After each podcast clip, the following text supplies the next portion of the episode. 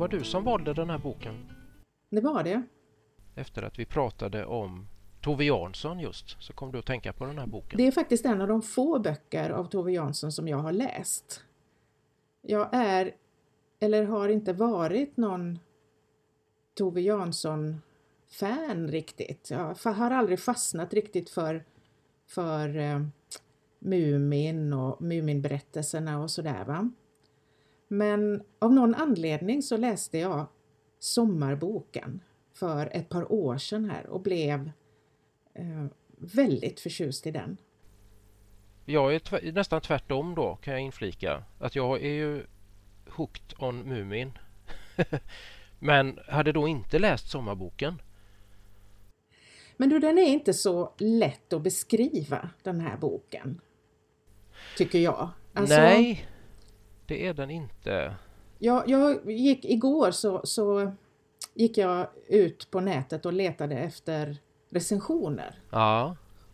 Och eh, det finns det jättemånga. Både proffsrecensioner och eh, du vet sådana här lite mera, ja men på bokbloggar och sådär, lite mera amatörrecensioner va. Mm. Och jag tycker på något vis, ja de försöker ju beskriva den här men jag tycker liksom att alla försök ja. blir så platta. Ja, det, det, ja. De beskriver så här, ja det handlar om tre människor på en ö. Det är en bok om den nordiska sommaren. Eh, det är en bok om vänskapen mellan en gammal kvinna och en liten flicka. Och det är ju inte fel. Nej, det är inte fel. Men det blir så platt. Den bästa beskrivningen hittar jag hos en, en kille som heter Björn Waller som har skrivit en recension på någonting som heter dagensbok.com. Okej. Okay. Och han skriver, det här är den tystaste boken jag vet. Mm. Det är bra. Ja men det, det, ty, det, det tycker jag, det, det, håller jag med om. Ja, det, det, ringar, det ringar in. Jag satt här och så tänkte jag, ja men vad tycker jag att den här boken handlar om då? Ja, jag tycker att den handlar om den handlar om trots. Den handlar om att det besvärliga måste ut. Den handlar om åldrande, om mod och rädsla och kärlek och människans plats i världen. Ja, just det. Vad tycker du att den handlar om? Det, ja, jag, alltså jag känner igen det. För att jag, jag, har också, jag försökte också här att ringa in det. Och jag, det första jag tänkte på när jag läste den då, det, jag, jag relaterar direkt till då det jag läst innan av henne som är då Mumin alltså sviten, serien om Mumintrollen och det där. Och jag tycker även i den här boken att hon är så otroligt bra på att beskriva hur komplexa vi är vi människor. Att, att det, det, ingen är riktigt enkel och det är aldrig riktigt enkelt att veta vad man vill och vad man önskar och vad man... Ja, vi, vi, vi är svåra Mm. Eh, och enkla också. Men komplexiteten tycker jag hon är så bra på att, att gestalta och det gör hon väldigt bra i den här boken. Så det tycker jag det, det är en, en liksom genomgående. Sen har jag också det här eh, ett stillsamt uppror skrev jag. Mm. Att, att det, precis det här att det finns ett trots, det finns som ett litet uppror hela tiden eh, bland de här Eh, karaktärerna. Men det är inget våldsamt. Vad, vad, vad sa du? Trots, sa du ja. ja, ja. Att, att det, det, finns ett, ett behov av, av, av, trots. Och sen har jag också faktiskt skrivit då att åldras då och att säga farväl. Det tycker jag finns någonstans här. Just det. Hos den här gamla kvinnan då. För det handlar ju om en, en, en, eh, Det handlar om en liten flicka, det handlar om hennes farmor och det handlar om hennes pappa. Mm. Fast det handlar inte så mycket om hennes pappa för han är ju som en bifigur utan det är ju de här två egentligen och deras relation då. Just det, han sitter och arbetar vid sitt bord, pappa. Ja, mest faktiskt. Han mm. lägger ut nät och han jobbar. Ja. Oklart egentligen riktigt med vad han gör där vid sitt bord, men han jobbar. Ja, och, ja precis. Och flickan tycker ju att det är ganska ganska eh, skönt att han sitter där för då vet hon vad han är. Ja, hon säger det vid något tillfälle. Mm. Sofia då som hon heter. Att det är så skönt. Är, hon säger det till, till farmor där ja, att det, det, är så bra när han jobbar. för då vet jag, då vet jag vad jag har han. när jag läste den första gången så tror jag att jag upplevde det som att det var att det handlade om en sommar. Att det var liksom samma sommar. Men jag är inte så säker på att de här berättelserna är ifrån samma sommar. Nej, det är inte säkert att det är så. Nej, och jag, jag är lite osäker på det också. Och det, det uttalas ju egentligen aldrig riktigt. Nej. Jag tror att det, för där känns det som att det kan vara samma sommar men det kan också för att ja, det är så mycket som händer så att det känns ju också som att det skulle kunna vara flera somrar här mm. som beskrivs. Mm. Jag tänker att det är kanske, eller jag tänker att det skulle kunna vara så att, att det är liksom eh, det är sommaren, inte alltså ja, sommaren liksom som företeelse. Som företeelse, sommaren på ön, för de är ju på en ö då, det har vi inte sagt kanske, men, men ja, jo, jo, precis. Vi gjorde ju så när vi läste den här boken då att vi eh, bestämde oss för att välja ut ett antal kapitel. Mm. Vi kan väl börja med det eh, första kapitlet här, eller inte bokens första kapitel, men det första kapitlet vi har valt ut som, som handlar om när Sofia då får eh, besök från stan. En väninna kommer och ska hälsa på henne på ön. Just det. Och hon heter Gördis Evelyn men kallas för Pipsan. Ja just det. För hon mm. vill liksom inte riktigt veta av sitt namn förstår man. Det, det är någonting med det där så att mm. då säger de Pipsan då. Mm. Och hon är redan från början på något vis lite så här äh, i Sofias sätt att beskriva henne så är hon redan från början en, en, äh, någon som man behöver ta hand om lite. För hon, för, hon förbereder ju farmor på att, att man, man, hon, man får inte man får, kan inte prata med henne om hennes riktiga namn utan, utan vi kallar henne för Pipsan. Ja. Och ja, man får känslan redan från början att det här, det här är en lite skör människa som kommer. I, i alla fall i Sofias ögon då. Mm, mm. Henne måste vi fara varsamt fram med här. Mm. Så vad händer då, då när hon kommer till ön där? Ja, alltså vi får, redan från början får vi ju Sofia beskriver eller ja, nej men vi får ju en beskrivning att hon har ju fel skor på sig. Hon har tunna skor med med lädersula tror jag det står. Just det. Eh, till exempel. Så hon har liksom, det är på något sätt, hon har fel kläder. Hon, man får redan från början en känsla av att hon, det är liksom en, en Ja men det, här, det är liksom en stadsflicka här som plötsligt hamnar ute på en karg ö. Uh, så man förstår ju redan på, på något sätt att det här kan ju bli lite tufft för henne. Helt klart. Ja. Uh, och Sofia då och hennes farmor eller det är väl Sofia då som, som föreslår att vi, kan, vi, kan, vi, måste, vi måste beskydda henne, säger hon. Just det. Och då säger hon, vi, vi, kan vi inte starta en förening som, som, för att beskydda Pipsan?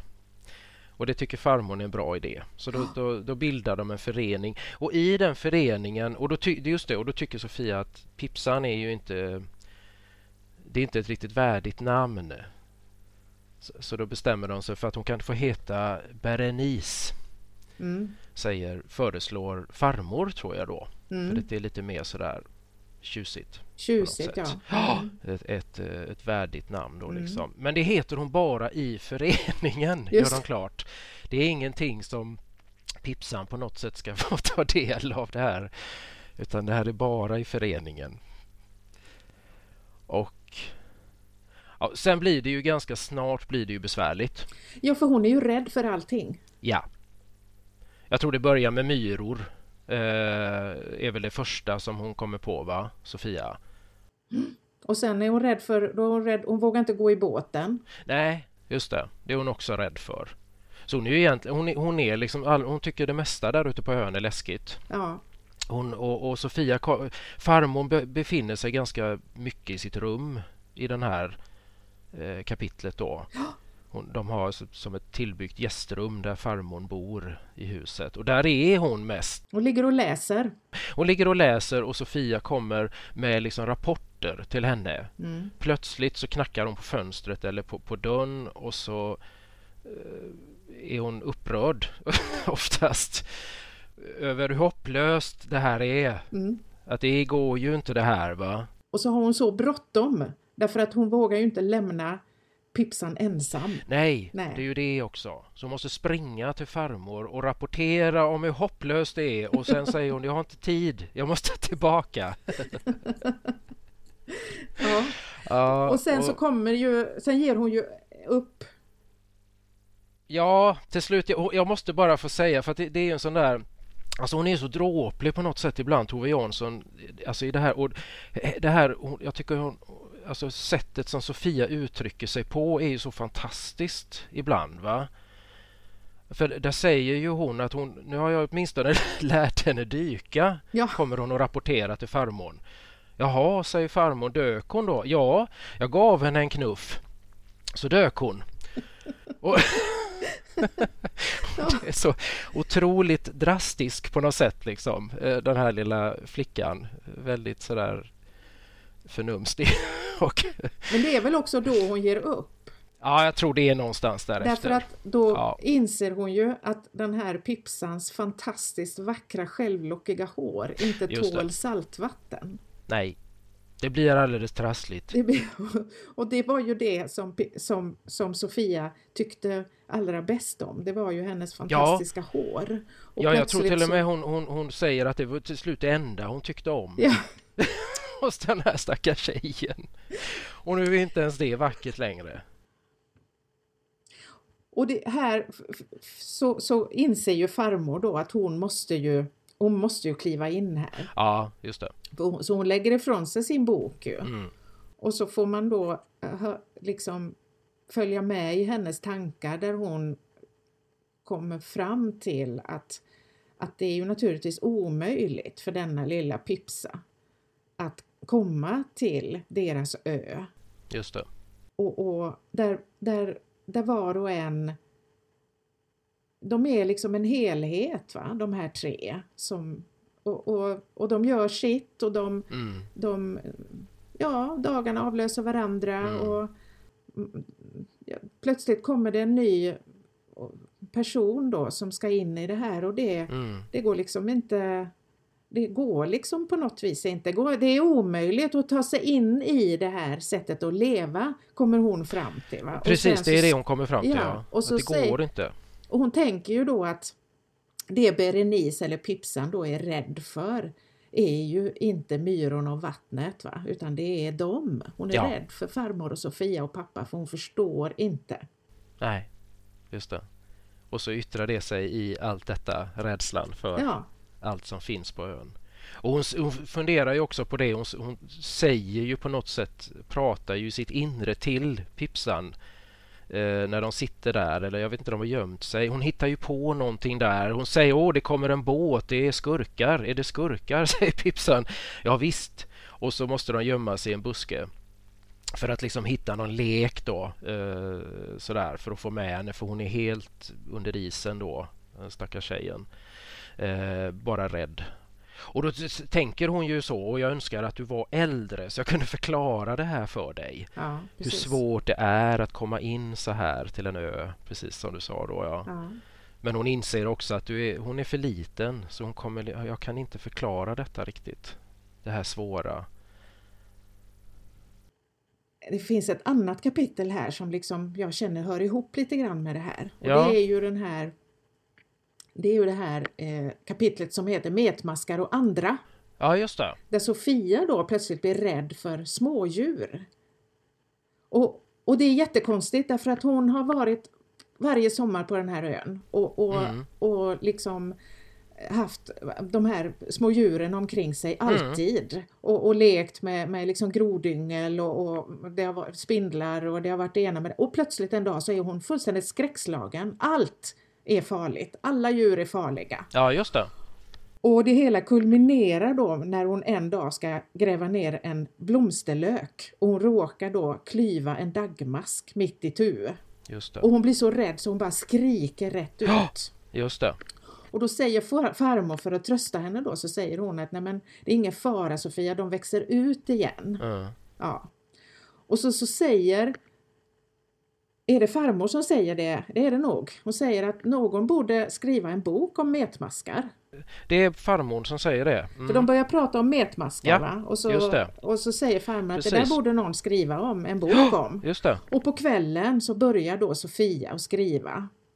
Och så farmor frågar henne vad skriver du om? Jo, jag skriver avhandlingen om metmaskar som gått i tu. Just det. Och, och så hon, hon sätter igång här, hon har till och med bundit ihop en bok då som hon ska skriva i. Men det är så himla svårt. Så det, det slutar med att Sofia dikterar och farmor skriver. Ja, för hon, Ja. Hon, kan inte, hon kan inte tänka på innehållet och stavningen samtidigt, säger hon här. Det blir bara skit av alltihop, säger hon. Hon är lite rolig med de där kraftuttrycken. Ja men det är Ja, hon, är, hon, är, hon är väldigt upprörd där. Men då, då, då bestämmer farmor, nej men säg du vad, du, vad ska, som ska stå, så skriver jag. Ja. Vi, har, vi har all tid i världen, säger hon. Vi har hur mycket tid som helst. Och så, så skriver så, och så, så dikterar Sofia då. Och det här, alltså jag tycker att den här avhandlingen är fullständigt lysande. Ja, Alltså hon svarar till exempel på frågor. Eller inte, hon besvarar inte alltid men hon ställer frågor och skriver om Gör det ont när masken går i tu? precis. Är masken rädd för att Mm. det ska göra ont? En mask som gått i två delar, eh, skriver hon, kan inte växa ihop igen för de är upprörda. De är så upprörda, ja, precis. Ja, och dess, dessutom tänker de nog inte efter alls. Och möjligen är det så att de vet att de kommer att växa ut igen på varsitt håll. Mm. Och, tänker hon då, det kan vara så att de ser på varandra och tycker att de ser otäcka ut. Mm, Och så kryper de ifrån varandra så fort de kan. Just det. Och sen funderar de och så känner de att nu blir livet annorlunda. Men de vet inte hur eller på vilket sätt. Och sen kommer den delen som jag tycker allra bäst om. Och det är när hon funderar på om de här två delarna sen skyller de då allt dumt de har gjort på den andra halvan? Det är ju fantastiskt. Vilken möjlighet liksom de Ja. har där. Ja, Eller sa de sedan hädanefter att efter en sån här sak har hänt så är man inte mera sig själv. Och så kan man skylla allting på det. ja. ja. Ja, och det är samma det här hon funderar på då där, när liksom att, att bakänden är det väl hon resonerar om. Ja, just det. För hon tänker sig att bakänden måste ha någon liten, liten hjärna då liksom. Så att den kan tänka fortfarande när den är halv.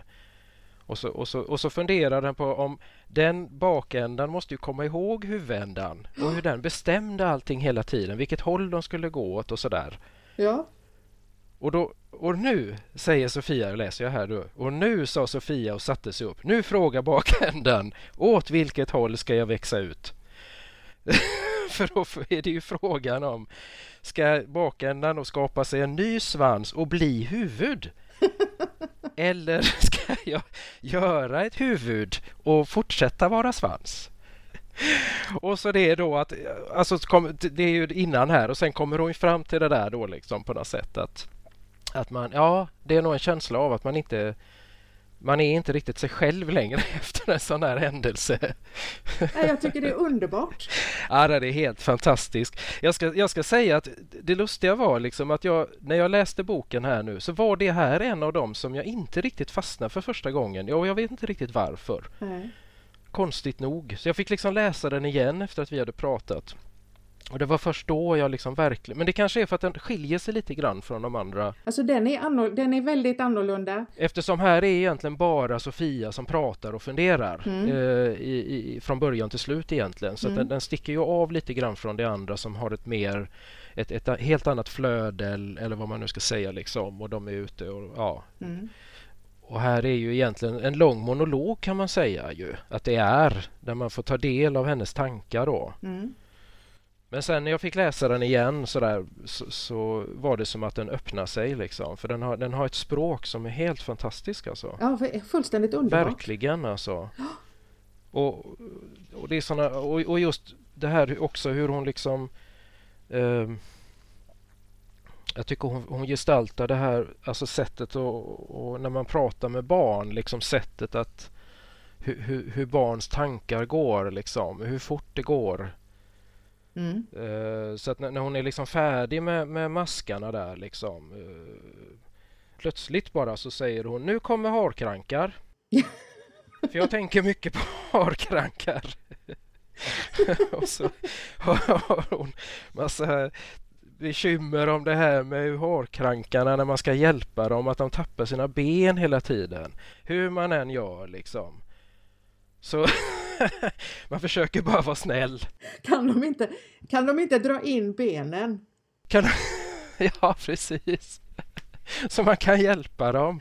Ja, men det är jätteroligt och det kapitlet, hela det kapitlet heter ju då Andra sorgliga djur. Ja, just det. För det är fler som är sorgliga. Sorkarna är ju också sorgliga. Ja, och nattfjärilar som flyger mot lampan och dör. Och fiskar och kräftor. Och... Precis, det blir som en, en eh, allt handlar om hur, hur sorgliga de här djuren är. Ja, att de förolyckas och, och dör eller blir av med benen. Det är mycket, man kan ju citera jättemycket den här, men det här som du sa när vi pratade om den här då att, att det här med då när masken, går vi tillbaka till maskarna här så, när den har gått av där liksom. Och vetenskapen vet ju inte än då om den bara går sönder eller om den är fiffig.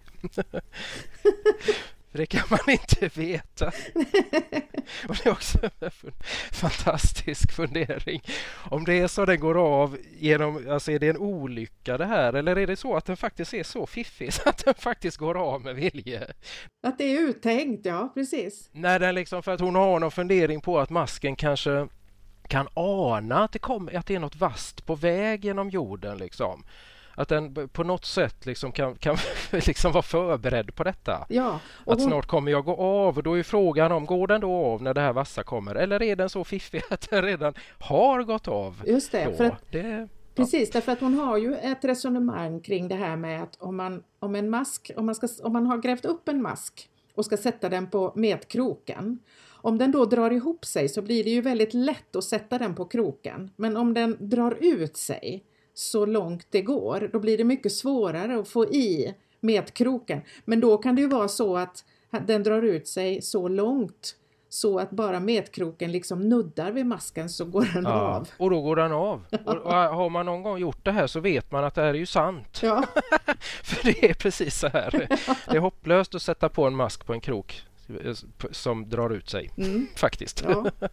Nej men alltså och jag tycker det här, eh, hela det här kapitlet är så oerhört spännande. Va? Därför att, och det är så filosofiskt. Eh, för att har man själv haft eh, barn, små barn, mm. så vet man att, att rätt som det är så kan det hända att en, en unge som är väldigt orädd plötsligt blir fruktansvärt rädd Exakt. för någonting vad det än må vara. Och så mm. kan man tycka som förälder och vuxen då så kan man mm. tycka men herregud mm. unge vad fjompigt, det är ju bara en liten myra.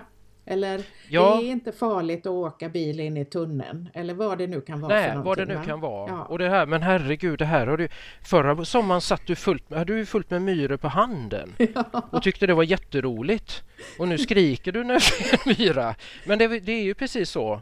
Det kan vara så när, när man ja, men är det barn. kan vara så. Ja, det, och jag tycker att det, det, liksom, det finns två saker i det här kapitlet som jag tycker är så spännande. Och det ena är ju just det här farmorns vet man ju inte hur genomtänkt det var det här när hon sa att man borde skriva en bok. Nej. Det kanske var, bara var någonting som hon sa. Men detta att hon tar Sofias önskan att skriva om det här på så stort allvar. Exakt. Eh, var ju, tror jag, någonting som hon fattade ju att det här, är, det här behöver, så här, nu måste vi göra det här. Ja, hon, hon måste på något sätt måste hon komma runt det här ja. med, med, med, med rädslan för maskarna. Ja, och när jag läser det här, när jag tittar på de här anteckningarna jag har gjort, va, så, så är det ju, ja men alltså Sofia är liksom inte rädd för smådjur och maskar. Utan vad är hon rädd för? Ja, hon är rädd för att, att du vet, hon är rädd för hon är rädd för att, att ja, men man blir skadad och det Exakt. gör ont och man går sönder och de dör och vad händer då? Hur blir det, det då? Är ju det, ja. ja. Så det, det är precis så. Och är de rädda för det? Det är inte egentligen djuren i sig som, som hon är rädd för. Nej, och jag tror att hon är rädd också, nu vet man ju inte riktigt hur gammal hon är va, här, men det kan vara så att hon också, hon håller på att kämpa med sin egen rädsla för sig själv och för sina anhöriga. Ja. Det finns ju en, lit, en liten mening i början av boken där man får veta att hennes mamma är död. Just det.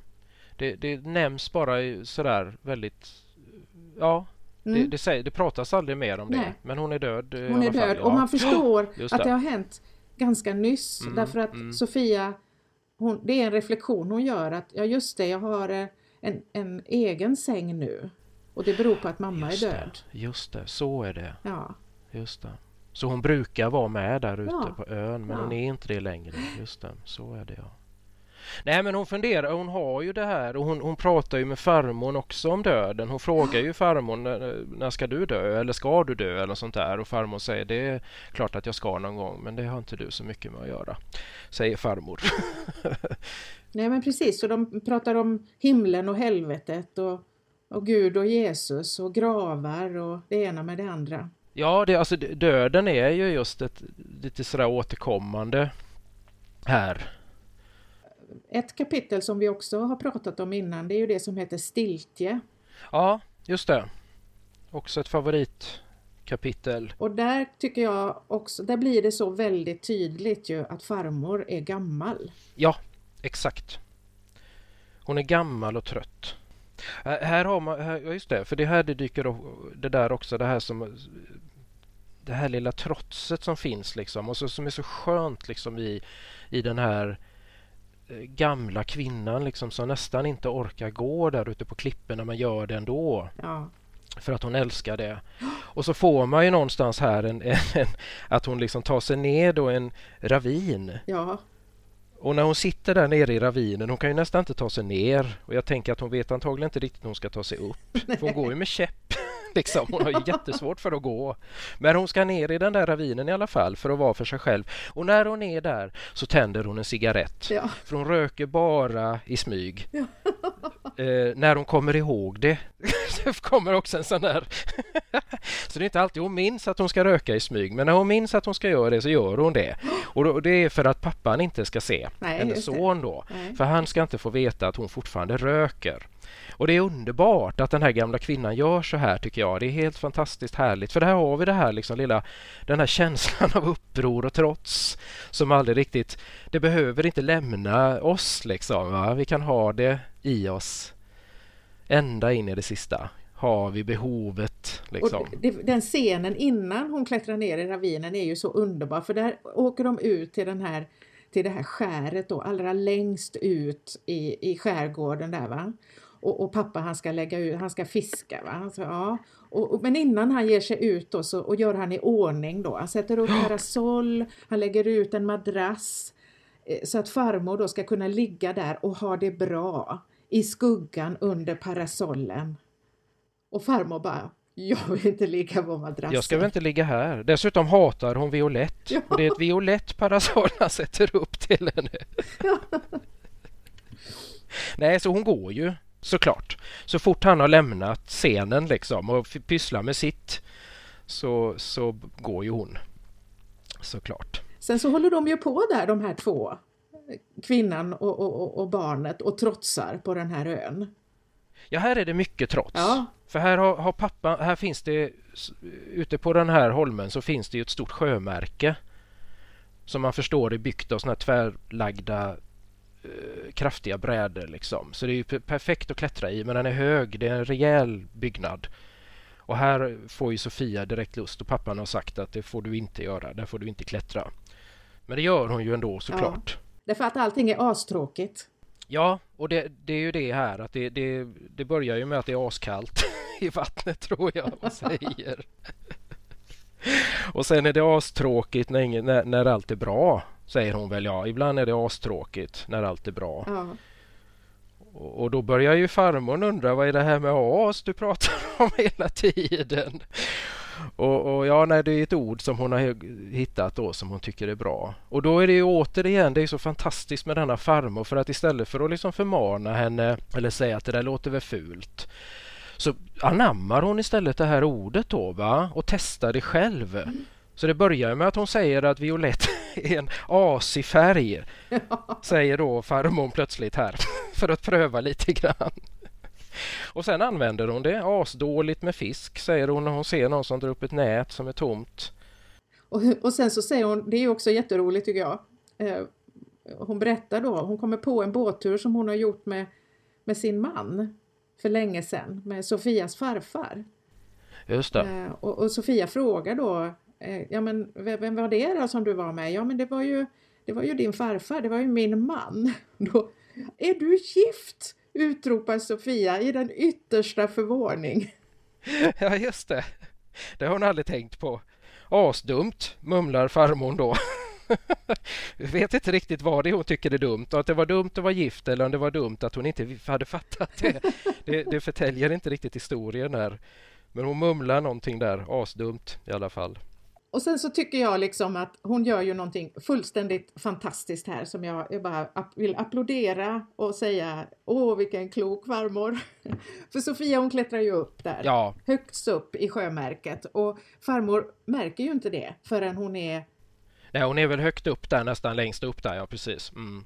Ja, och hon tänk, farmor tänker då att nu får hon inte skrika. Just det. För hon ser ju att Sofia är rädd där uppe. Och ett tag så verkar det också som att hon faktiskt inte kommer att våga klättra ner. Hon är liksom alldeles hon är alldeles stel och, och, och liksom förlamad på något vis där uppe. Mm. Uh, så vad gör hon då? Sofia, säger hon försiktigt, så säger hon Ja, just det. Du måste komma ner och hjälpa mig att ta upp käppen. Just det.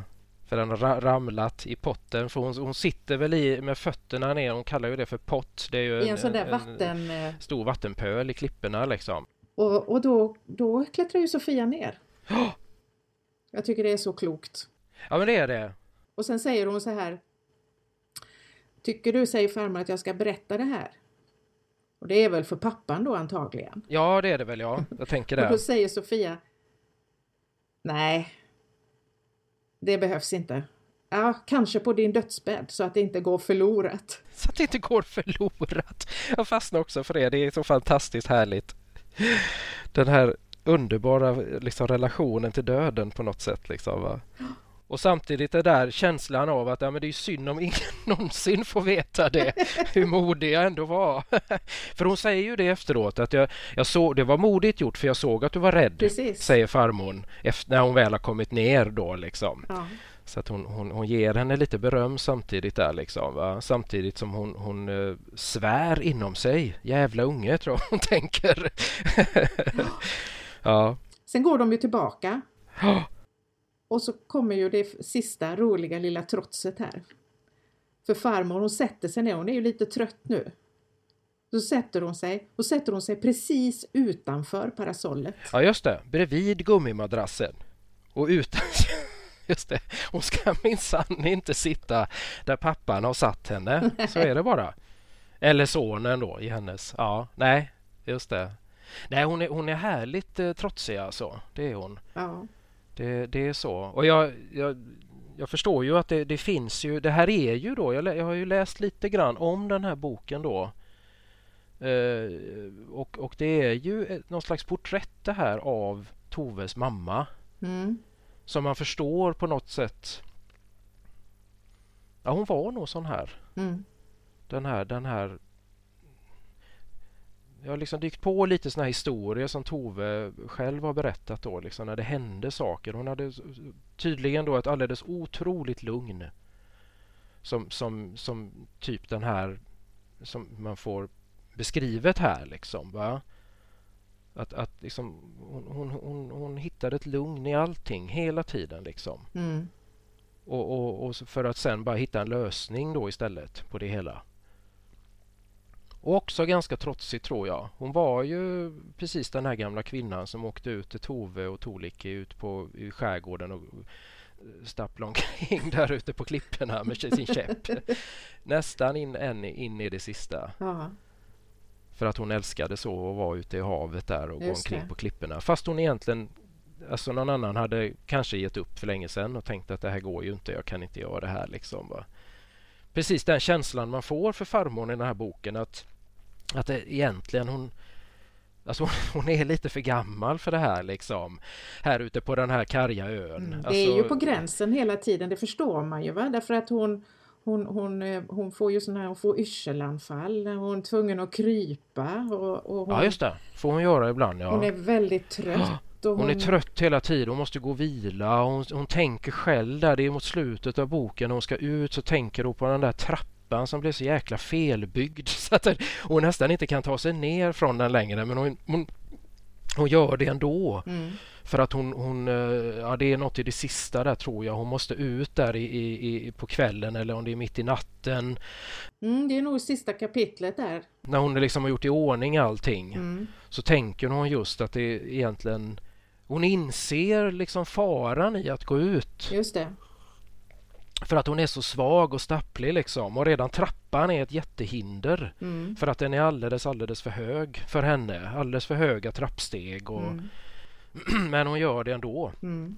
Och, och, och tar sig ut där på klipporna i mörkret liksom. Mm. Och, och, och, ja, näst, alltså, nästan utmana döden lite grann känns det som. Ja, men det känns lite äh, så. Där, va? Ja faktiskt. Hon vet att det här är faktiskt farligt och Sofia och, och, och, pappan de ligger och sover. De vet inte att jag är här ute nu nej, ens. Nej, precis. Det är bara jag och, och, havet. Ja, och det kapitlet, det här slutkapitlet, det är ju, är ju otroligt um, det är ett jättefint kapitel, väldigt, väldigt mm. vemodigt. Väldigt, ja, det är det. Och, och, det är liksom slutet på sommaren. Men man förstår också någonstans att det är hennes sista sommar, anar man. Liksom, att hon gör sig redo liksom för att åka och inte komma tillbaka. Det är den känslan jag får. Det är absolut så. Mm. Och det, det, är den här känslan av att antingen Ja, antingen kommer hon inte leva eller så bara hon inser att jag kommer inte orka en sommar till. Det kan inte gå.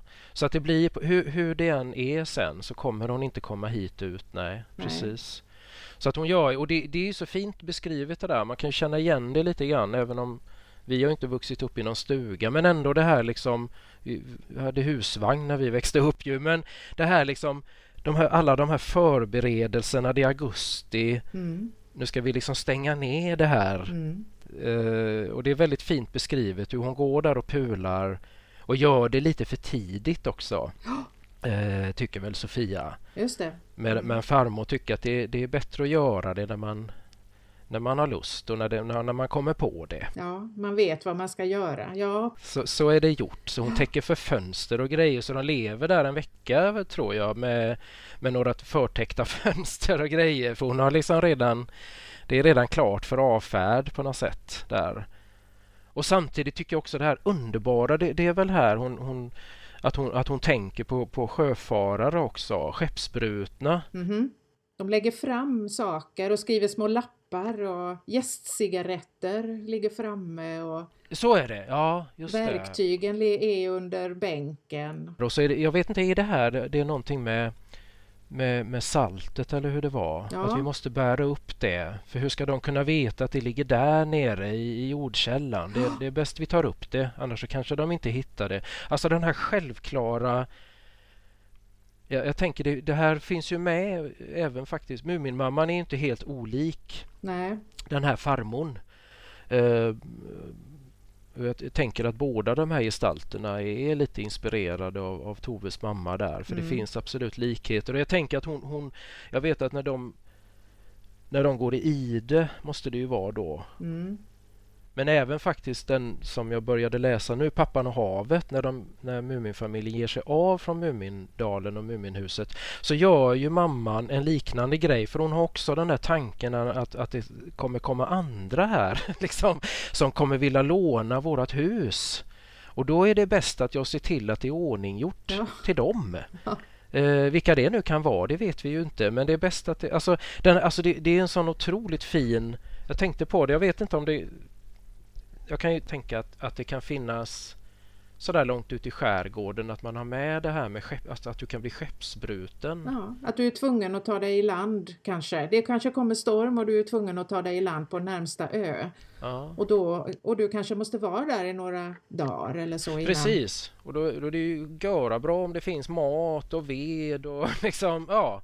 Och jag tänker att det här är ett sätt att tänka som Ja, det, känns, det känns ju inte riktigt som det, det finns ju inte riktigt med längre i vårt liv idag. Liksom, va? Jag tänker att det är få av oss som tänker att nu åker vi på semester men det är bäst att vi fyller upp kylskåpet här. Ifall någon, ifall någon skulle behöva. Det kan ju hända att det kommer någon här och, och, och behöver bo här. Alltså, det, det, det, är liksom, det är en tanke som är väldigt främmande. Väl, ja, väldigt främmande. Men, men, som då för den här farmor är så fullständigt självklart. Liksom. Och väldigt logisk, tänker jag. För en människa kan överleva tack vare detta. Jo visst, och jag menar på sjön, du har ju ingen chans. Måste, blir det storm och du måste in så måste du åka till närmsta ö. Och har du, och har du inte med dig grejer då som, så du klarar dig, då blir det ju besvärligt. Ja, exakt. Ja, så att jag tänker att det där är liksom en, ett helt annat sätt att tänka. Ja, det är ett annat sätt att tänka. Ja. Det, det är så.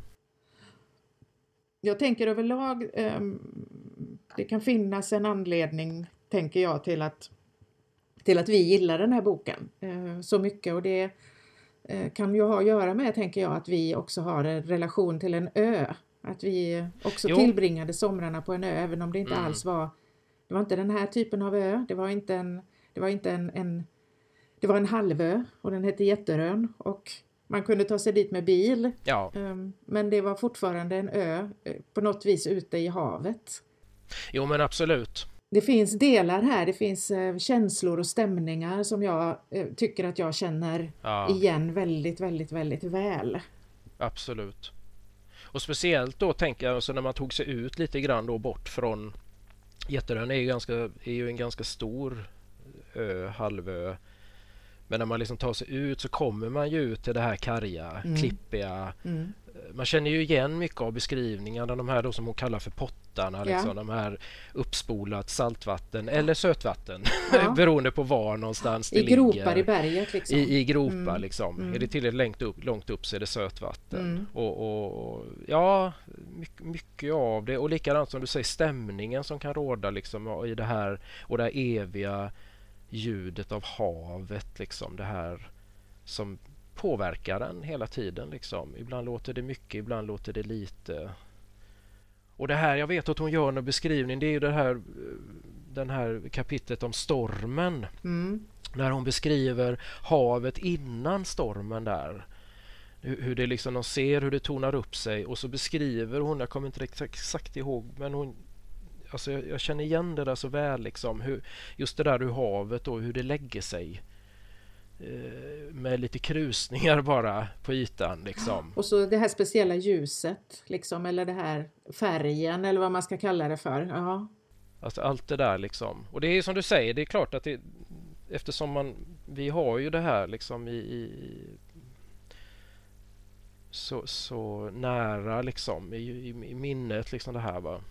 Ja, och vi var ju också väldigt vi var ju också väldigt utelämnade till vädret. Eftersom mm. vi bodde ju, när vi var små då så bodde vi somrarna igenom ganska länge faktiskt. Så bodde vi fyra vuxna och två barn i en fyra persons husvagn med förtält. Ja, i en väldigt liten husvagn faktiskt. Precis, ja. Så vi hade, det fanns ju inga utrymmen liksom, utan man var ju helt, helt utelämnad eller helt beroende liksom av väder. Mm precis. Så var det ju. Eh, och man var ute också i alla väder på något vis. Va? Och, ja. och om man åker till Jätterön idag så är ju det att det är ju en, en eh, det är ju en modern eh, sommarö, halvö i år, eh, är ju nu för tiden med, med, med liksom väldigt mycket bebyggelse mycket, och även mycket året runt boende, stora hus och så vidare.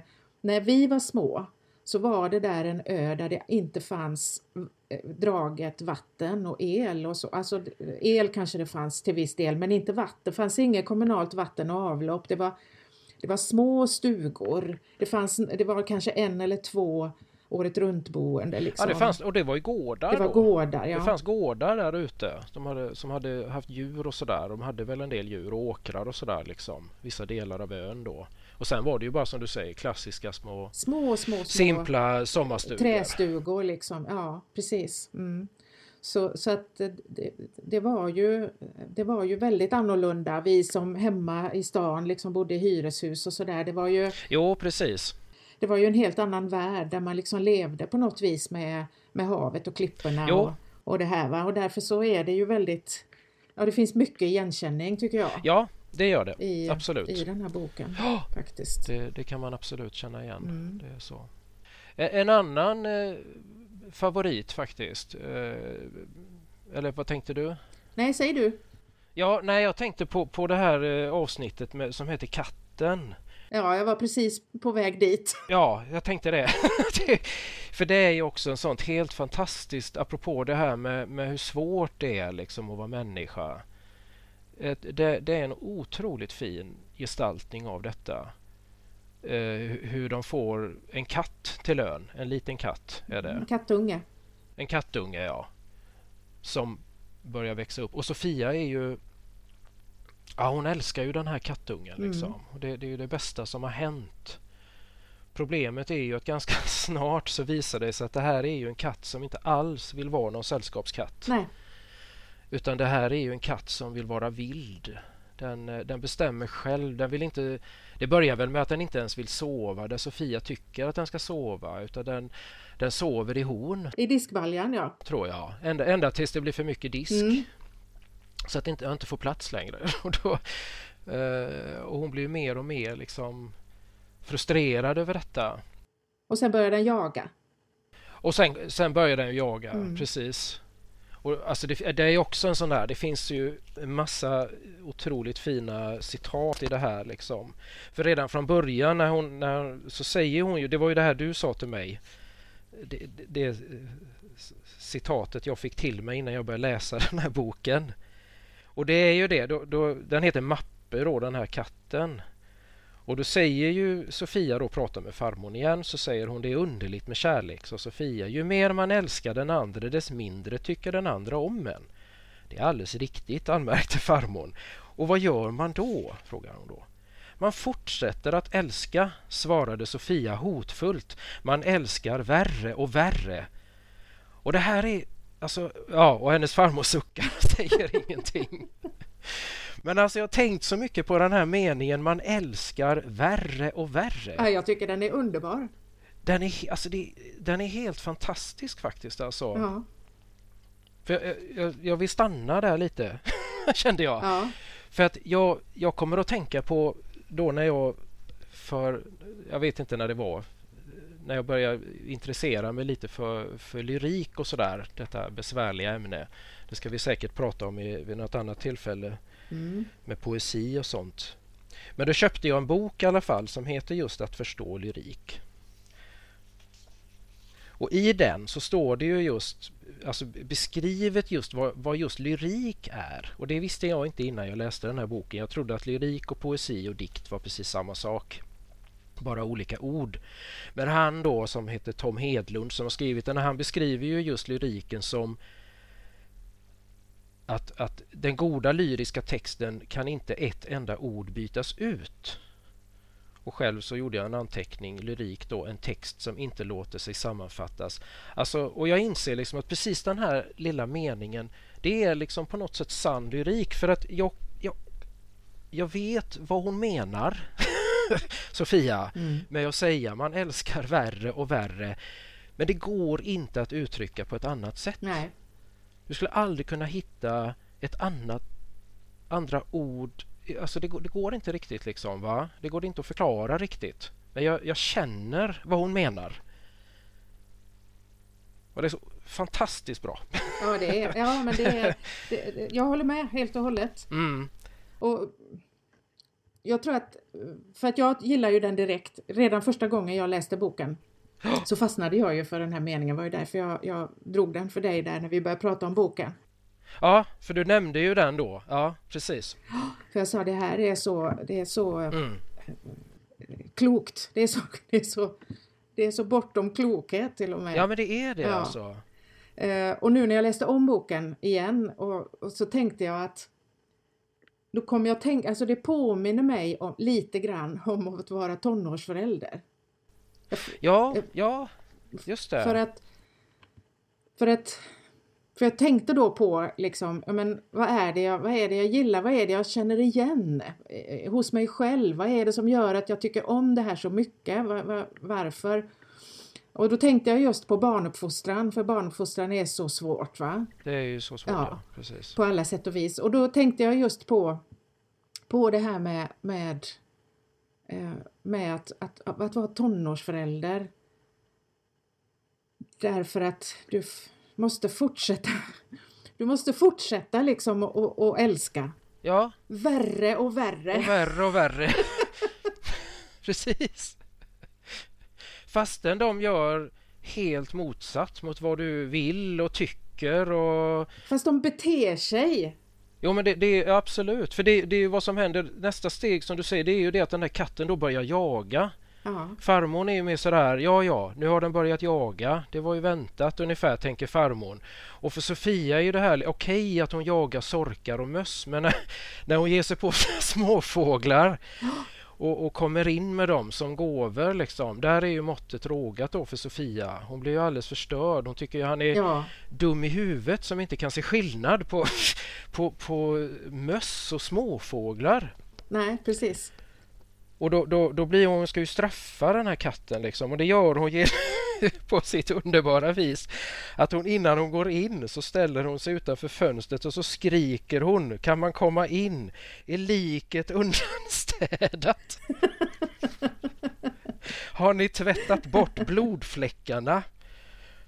Och, så, och, och det, allt det här är ju liksom skriker hon då för att Mappe ska, ska höra detta. det är ju väldigt tydligt liksom va, på något sätt. Ja. Att det, det, det här är, ja, det är hennes straff liksom. va. Men ingenting hjälper ju. Det spelar ingen roll vad hon gör. Katten blir bara mer och mer vild. Ja men alltså och det hemska är, jag, jag förstår ju Sofias frustration här va. För att, ja. för att det spelar ju ingen roll. Hon kan ju straffa honom hur mycket som helst. Han bryr sig inte om det det minsta. Inte någonstans. Nej, en, den enda som lider är ju Sofia. Ja, det är ju det. Ja. Och hon säger till och med någon gång, det vill, jag kan ju förlåta det men vad är det för mening med att förlåta? Han bryr ju sig inte. Nej. Så hon är ju, jag, jag, man förstår ju absolut. Mm. Det är fruktansvärd frustration liksom. För den här katten bryr sig inte det minsta om henne överhuvudtaget. Nej. Det är bara luft för, för den här katten. Ja, det är ju en förfärlig läxa. Och, och, och hon älskar, älskar och, och hon säger någon gång jag orkar inte mer nu. Jag orkar inte älska den här mappen längre. Jag hatar honom men jag tänker på honom hela tiden. Alltså det, det, så att, Vem av oss känner inte igen detta? Ja, ja? Man, jag, jag tänker det, det här går att relatera till, till olycklig kärlek, Ja. föräldraskap, Ja, relation till sina egna föräldrar kanske. Alltså, alltihopa alltså det där. alla nära relationer där man har mycket kärlek och, och där den kanske inte då är besvarad på det sättet som man skulle önska. Nej. Då? Nej, precis. och, och hur fruktansvärt frustrerande det kan vara och hur smärtsamt det är. liksom. Ja, det är otroligt frustrerande. Och man lider ju verkligen med Sofia i det här kapitlet. Jo, men man gör ju det va? Åh, det är så hemskt alltså för henne. Ja. Och ingenting kan man göra. Inte ens farmor liksom kan göra någonting.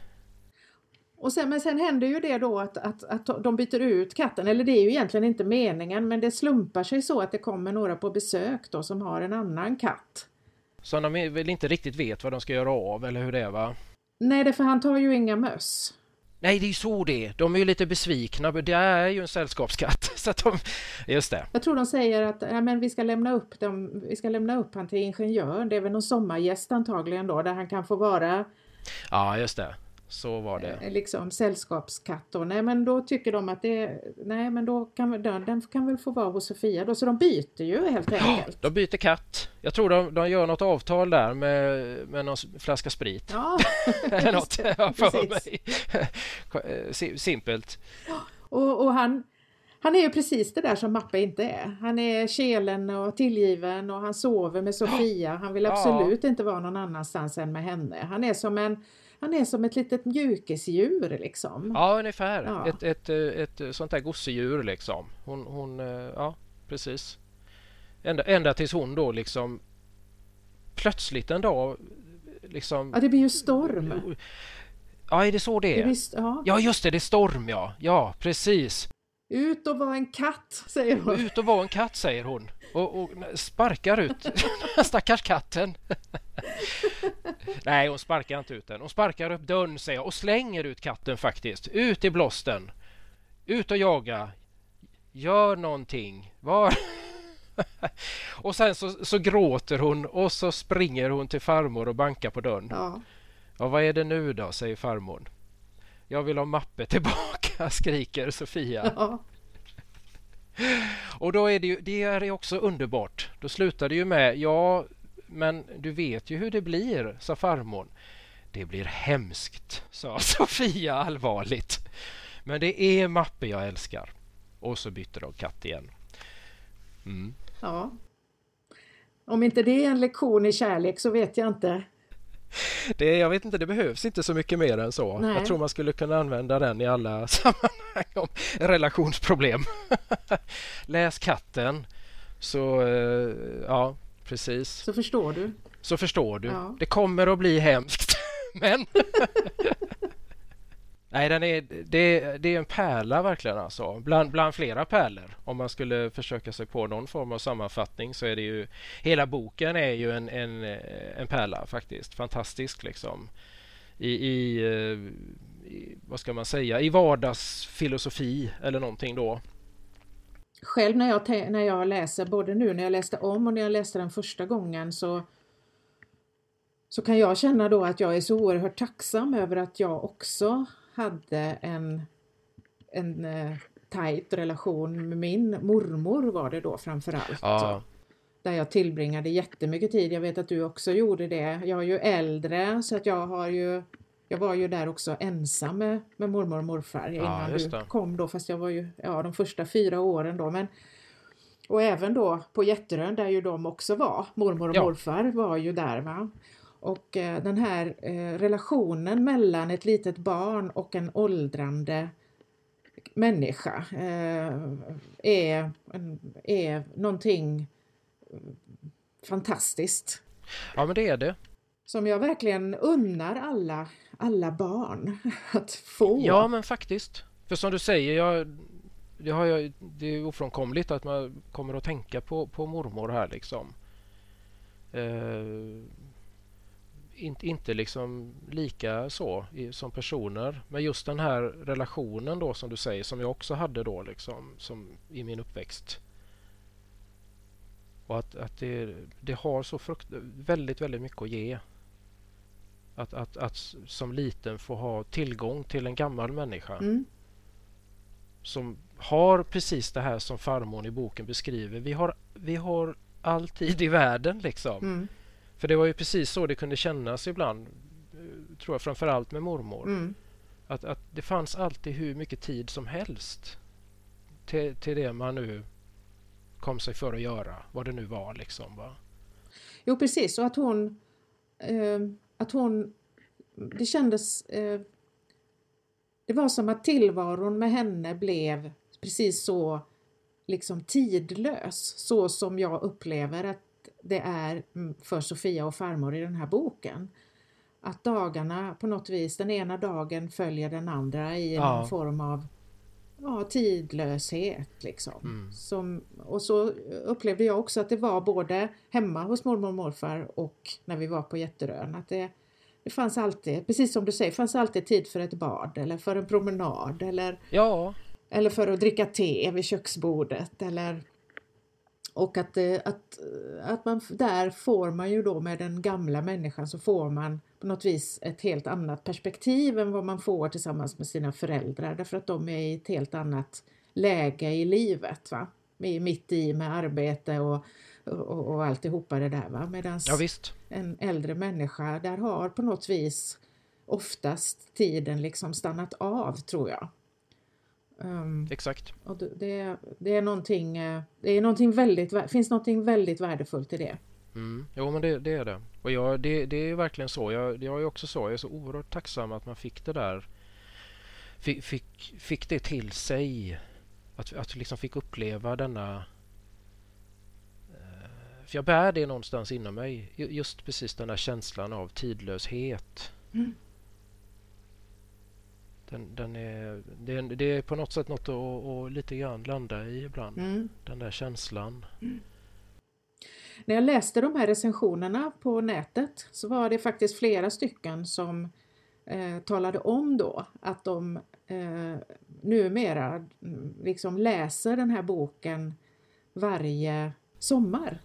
Ah, ja, ja, ja. För flera av de här amatörrecensionerna då, eh, de skrev, de hade, flera stycken av dem hade läst den här boken för flera år sedan och sen av en eller annan anledning så kom de på att de ville, ja, men de ville skriva om den här boken och berätta ja, om den. Va? Och det var, ja, det var fler än en som skrev att men jag läser den här varje sommar. Det är liksom ett sätt för mig att få sommarkänsla. Ja, just det.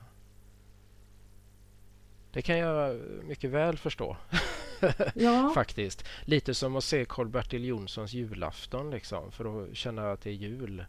Just det. Alltså det här vissa saker sådär som, är, som lyckas gestalta något så oerhört bra. Liksom. Och jag tänker, nej, jag, jag, kan inte komma på någon bok som gestaltar denna sommarkänslan så oerhört bra som denna. faktiskt. Och som dessutom då för en tillbaka. Uh, och framåt. Det är väl det som är häftigt för att man, man får uh, den där Alltså man känner igen liksom Sofia, barnet, hur det var att vara barn. Liksom. Mm. Men så är man själv mitt i livet, liksom här nu över 50, så någonstans så känner jag ju att, att man också kan relatera till liksom inte åldrandet men, men ändå livet, det går. Mm. Eh, liksom. Man blir äldre, man liksom, och man ändrar eh, det, det förändrar sig på något sätt liksom inom en. Även om, om, om vi är inte gamla än men man, jag kan ändå känna igen mig i det där liksom att ja just det, ja, det är inte som jag tänker inte som jag gjorde för 20 år sedan. Liksom. Och, och, och, minnen bleknar kanske. Vissa minnen blir starkare. Och...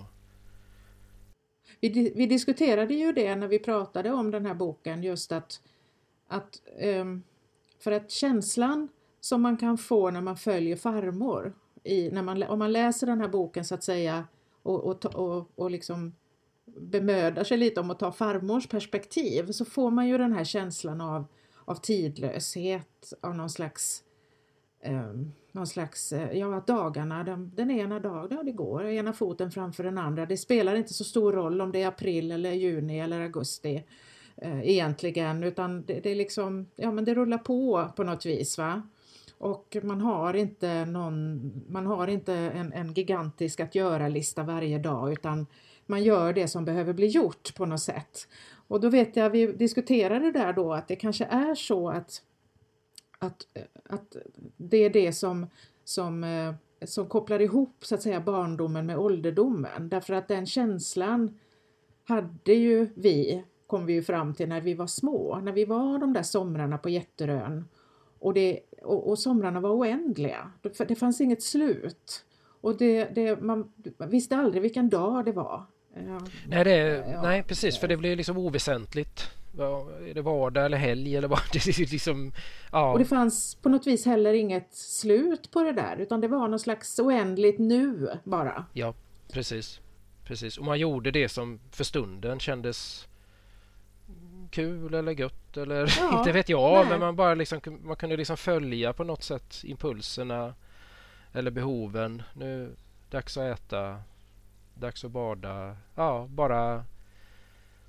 Ja men precis, man, man, man flöt med på något sätt i detta liksom. Och det är så tydligt just i denna, just den här då, vilket då ja, blir ju liksom tydligt i kontrast till pappan som, som har att göra precis hela tiden här då i boken. Han, han, han har så mycket att göra så att han, han är liksom inte riktigt ens med sådär. Och det, precis det där kan man ju känna igen Ja, ja därför att jag tänker att det är ju så det är när man är mitt i livet. Därför att då är, då är man ska dra in pengarna, man ska se till att det är ordning och man ska, man ska olja trädäcket och vad det nu är ja, man ska visst. göra hela och, tiden. Och städa och laga mat och fixa och dona med allting liksom och se till att allt är okej. Okay. Och det, jag kan ju tänka ibland liksom när man när man, när man minns då liksom just som du säger att Speciellt kanske om man tänker som där nere på Jätterön, för där var vi ju faktiskt allihop. Det var ju mormor och morfar, det var mamma pappa, det var vi liksom barnen.